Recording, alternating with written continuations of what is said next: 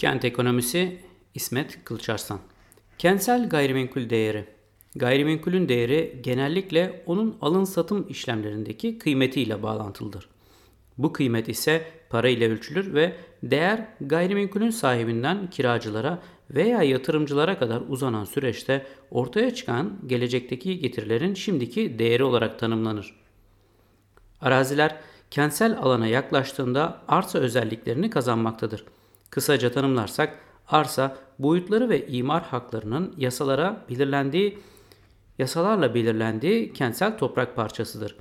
Kentsel işlevleri barındırması için tüm altyapıyı ve kentsel donatılara sahip olması gerekir.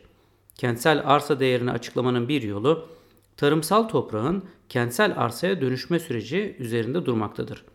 Bu dönüşüm süreci genel olarak arsanın oluşumunu anlamamıza yardımcı olur ama kent formunun biçimlenmesinde hangi rolü üstlendiği ve kentsel mekanın içindeki değerlerin nasıl farklılaştığı konusunda yetersiz kalmaktadır. Arazinin var olan kirası ve gelecekte umulan kirası yıllık getiriyi, getiri de arazinin satış değerini belirler.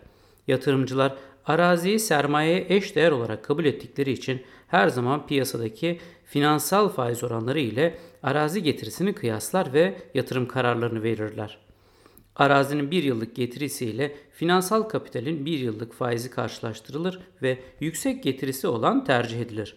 Bu nedenle arazinin elden çıkarılmaması için elde edilen yıllık kira yani yıllık getiri piyasada geçerli para getirilerinden daha fazla olmak zorundadır. Kent içinde arsa arsalar üzerinde binalarla birlikte ele alınırlar. Binaların belli bir yaşam süresi bulunmakta ve bina artı arsa değeri emlak ya da taşınmaz mal değeri olarak ele alınmaktadır. Bu finansal para getirisi ve emlak getirisi karşılaştırması yaklaşımıyla arazinin satış değerinin gelecekteki kiraların kapitalize edilmiş miktarına eşit olduğunu kabul edebiliriz. Aşağıdaki denklemde emlak değerinin elde edilen kira ve yıllık banka faiz oranlarına bağımlılığı ifade edilmektedir. D. Arazi değerini ifade eder. K. Yıllık arazi getirisini enflasyon üstünde kalan kısmını ifade eder. I ise piyasadaki yıllık faiz oranlarını ifade eder. Böylelikle arazi değeri eşittir yıllık arazi getirisi bölü piyasadaki yıllık faiz oranları olarak ifade edilmektedir. Parasal faiz hadlerinde gerçek kazanç enflasyon çıktıktan sonraki kazançtır. Örneğin %30 enflasyon oranının olduğu bir ortamda %40 getirinin gerçek değeri %10'dur. Bu nedenle getirilerden enflasyon miktarını çıkardıktan sonra gerçek değerlere ulaşabiliriz. Ülkemizde genelde enflasyon yüksek, faiz oranları da çok değişken olduğu için finansal kapital ile emlak getirisi karşılaştırmada zorlukların bulunduğu bir gerçektir. Emlak kiralarının kısa dönemde değişmediği varsayılarak faizlerin yükseldiği dönemlerde emlak fiyatlarının düşeceği yukarıdaki denklemden anlaşılmaktadır. Gerçek hayatta emlak değerlerindeki bu farklılaşma çoğu kez doğrulanmaktadır. Sanayileşmiş ülkelerde menkul değerlerin getirisiyle emlak değerlerin getirisi finansal piyasaların gelişmişliği ve emlak talebinin de durağan olması nedeniyle eşdeğerlik gösterir. Örneğin gelişmiş sanayi ülkelerinde 100 bin dolar tutarındaki bir tahvilin %5 faiz oranıyla bir yılda 5 bin dolar getirisi varsa ufak farklarla gayrimenkul yıllık getirilerinin de aynı dolayda olması gerekir. Emlak piyasası hareketli ile finansal piyasa hareketli arasında elastikiyet farkı olduğundan getiri uyumluluğu zamanla gerçekleşir. Diğer deyişle parasal faiz oranlarının düştüğü dönemlerde gayrimenkul getirileri aynı hızla değişmediğinden yüksek kalacaktır.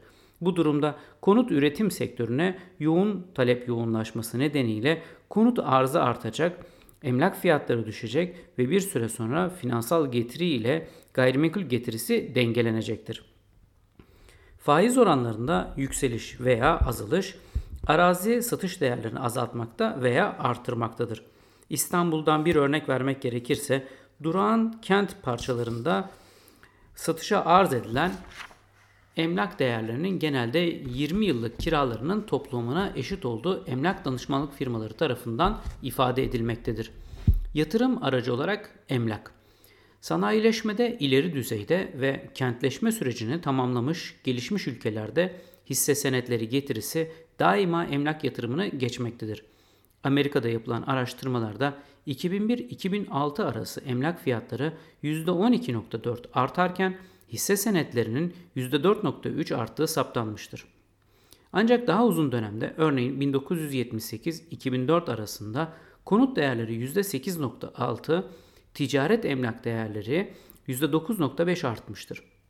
Buna karşılık hisse senedi, bono, tahvil, ipotek senedi gibi 15 değişik cins değerli kağıdın ortalama değeri %13.4 oranında artmıştır.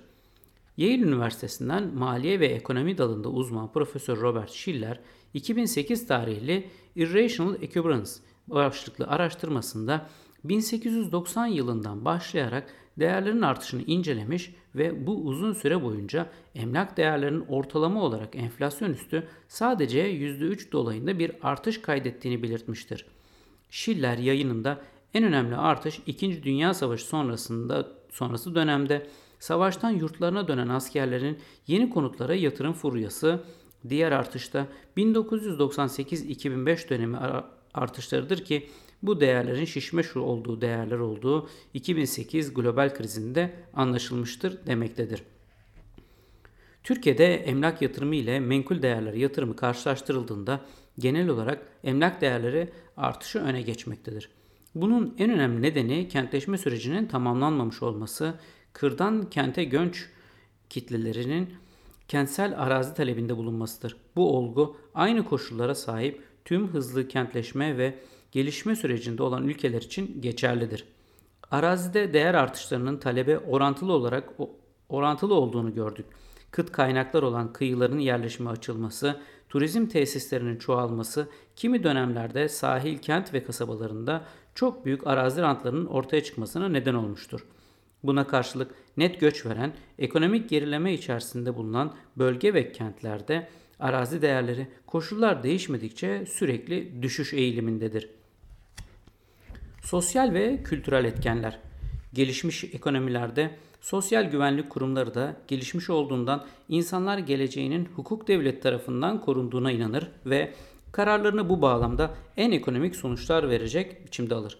Oysa ki Türkiye gibi birkaç nesli zorlu dönemler geçirmiş ülkelerde insanlar konut yatırımını en azından bir barınma ve güvenlik garantisi olarak görür ekonomik afetlerle likit piyasaların çökmesi ve varlığını kaybetme korkusu bu ülkeler insanını doğal afetlerle evinin gitmesi korkusundan çok daha fazla ürkütür. Bir diğer önemli kültürel değer de insanların başkasına muhtaç olmadan yaşama isteğidir. Kiralık yerde ekonomik sahip, emlak sahibine muhtaç olma, her ay düzenli biçimde kira ödeme zorunluluğu istikrarlı piyasalara sahip olmayan ülkelerde yüksek risk unsurudur ve düşük gelirli kesim tarafından öyle algılanır. Bu nedenle emlak sahipliği toplumsal olarak güvenlik sağlayıcı önemli bir değerdir. Likidite Yatırım araçları içinde değerli kağıtlar olarak anılan hisse senedi, bono, tahvil ve altın, gümüş gibi değerli madenler ile emlak arasında en önemli unsur nakit paraya çevrilebilme olanağı tanımlanan likiditedir. Tasarruflarını değerli kağıtlara ve madenlere yatırım yaparak tutan kişiler ihtiyaç halinde borsa değerlerine göre bunları nakit paraya kolayca çevirebilirler. Bu araçları diğerine satış işleminde önemli borsa çökmeleri dışında risk yok denecek kadar azdır. Değerli kağıtların ve madenlerin özellikle ve taşıdığı riskler zaten piyasa tarafından fiyatlandırılmış durumdadır. Bu nedenle bu yatırım araçlarına likit, nakite dönüşen araçlar denilmektedir. Oysa emlak piyasası likit olmayan bir piyasadır. Her emlak bir dizi özellik içerdiğinden bu özelliklere talebi olan kişileri bulmak zaman alır. Satış duyurusunu yaptıktan bir süre sonra kişi ya da kurumların emlakı gezip görme ve karar verme süreleri de vardır. Her emlak farklı konum ve özelliklere sahip olduğundan talep sahibinin istenen fiyatı karşılaştıracağı örnekler yakın çevresinde ya azdır veya hiç yoktur. Emlak satışları hukuki bir takım hakların devre anlamına geldiğinden tapu kütüklerinin incelenmesi, emlakın üzerinde satışı engelleyen, engelleyen veya alıcıyı zor durumda bırakan bir kaydın olmaması gerekmektedir.